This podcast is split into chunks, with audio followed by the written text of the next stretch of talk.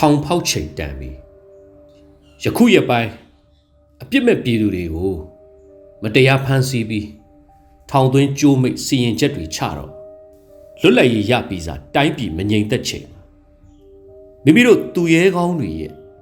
တရက်ထောင်ဖောက်ခဲ့ပုံတွေတာယာဝတီထောင်ဖောက်ခဲ့ပုံတွေအခြားထောင်ဖောက်တဲ့ဖြစ်စဉ်စာအုပ်လေးတွေဖတ်မိရင်ဒီစာကိုရေးမိပါတယ်အကျန်းဖက်မင်းအောင်လိုင်ဟာ လူစိတ်လုံးဝပျောက်နေပြီပြည်သူလူထုကိုလူမျိုးတုံးတပ်ဖြတ်မှုရာဇဝတ်မှုတွေကိုဇက်တိုက်ကျူးလွန်နေပါတယ်တိုင်းပြည်အာဏာစသိမ်းကာစ2021ခုနှစ်ဖေဖော်ဝါရီလအတွင်းမှာပြည်သူအားလုံးလမ်းမထက်မှာဆန္ဒပြခဲ့တုန်းကမဟာလစစ်ကောင်စီပြောခဲ့တာအားလုံးမှတ်မိကြပါလိမ့်မယ်ထင်ပါတယ်ပြည်သူတန်း90မှာ တန်း40လောက်သူတို့ကိုမထောက်ခံကြဘူးလို့ပြောကြတော့သူတို့ကိုထောက်ခံတဲ့ကြံတဲ့10တန်းနဲ့ပဲဆက်သွားမယ်ဆိုတဲ့စကားတွေဟာမင်းအောင်လိုက်အနေနဲ့သူ့ကိုမထောက်ခံတဲ့ပြည်သူလူထုကိုလူမျိုးတုံးတတ်မဲ့စီမံကိန်းကြီးပါ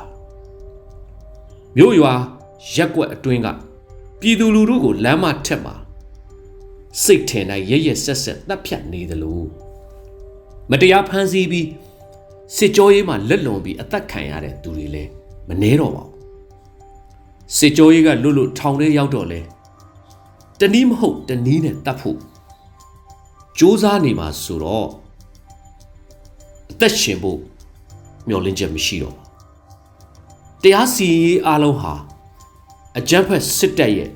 မဟာလာပါဇက်ကအမိတ်ဖြစ်နေပါတယ်မင်းအောင်လှိုင်ဟာသူ့ကိုစန့်ကျင်သူမှန်သမျှ အသက်မရှင်ရေးကိုတရားဥပဒေသမားကလိုက်ပြီးတော့မတရားဥပဒေတွေရှာကြံအမှုစင်ထောင်နှစ်ရှည်ချ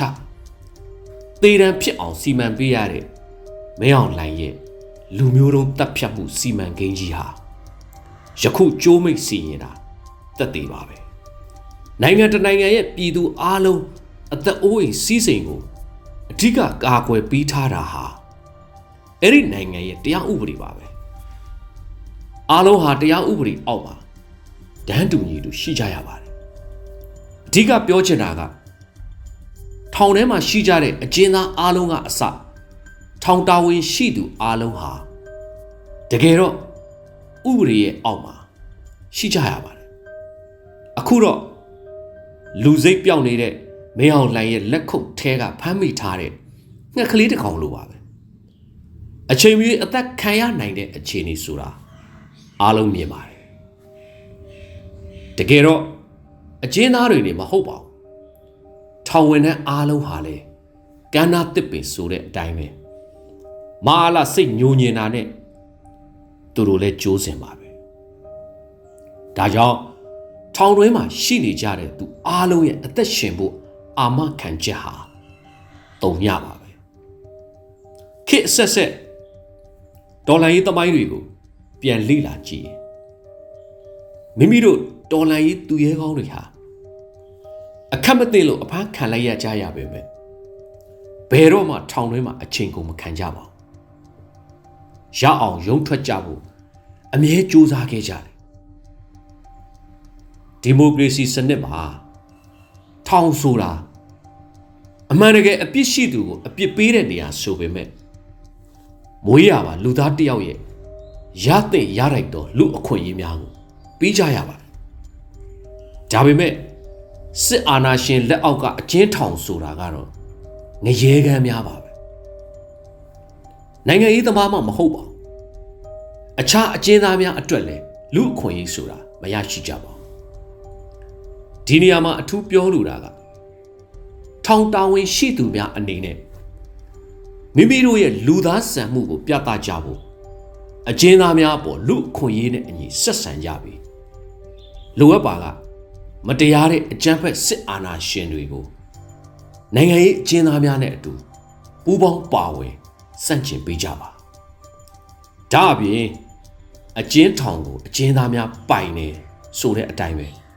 အခြားအကျဉ်းသားများအားလုံးကလည်းနိုင်ငံရေးအကျဉ်းသားများနဲ့အတူထောင်ပြေပမှာကြံရည်ခဲ့ကြတဲ့မိမိတို့မိသားစုသားသမီးများရဲ့အနာဂတ် မိမိတို့တိုင်းပြည်ရဲ့အနာဂတ်အတွက်ပူးပေါင်းပြီးစစ်အာဏာရှင်ကိုစန့်ကျင်ပေးကြပါယခုအချိန်ဟာမြန်မာတနိုင်ငံလုံးမှာရှိကြတဲ့အကျဉ်းထောင်များကအကျဉ်းသားများအတွက်မတရားတဲ့စစ်အာဏာရှင်ဥပဒေအောက်ကလွတ်မြောက်ဖို့အကောင်းဆုံးအခြေအနေပါပဲအကြမ်းဖက်မင်းအောင်လှိုင်ရဲ့လက်ခုပ်ထဲမှာအသေးခံမလားလွတ်မြောက်ရာကြိုးစားရင်စွန့်စားမလားဆိုတာစဉ်းစားစရာမလိုတော့အောင် အဖြေရှိနေပါပြီယခုအချိန်ဟာအင်အားအလွန်ချိနဲ့လာနေတဲ့အကြမ်းဖက်စစ်တပ်ကိုဖြိုချဖို့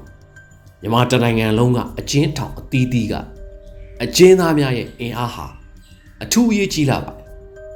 ဒါကြောင့်ဒီအချိန်ဟာထောင်ဖောက်ချိန်တန်ပြီလို့တိုက်တွန်းလိုက်ပါရစေအရေးတော်ပုံအောင်နေပါပြီ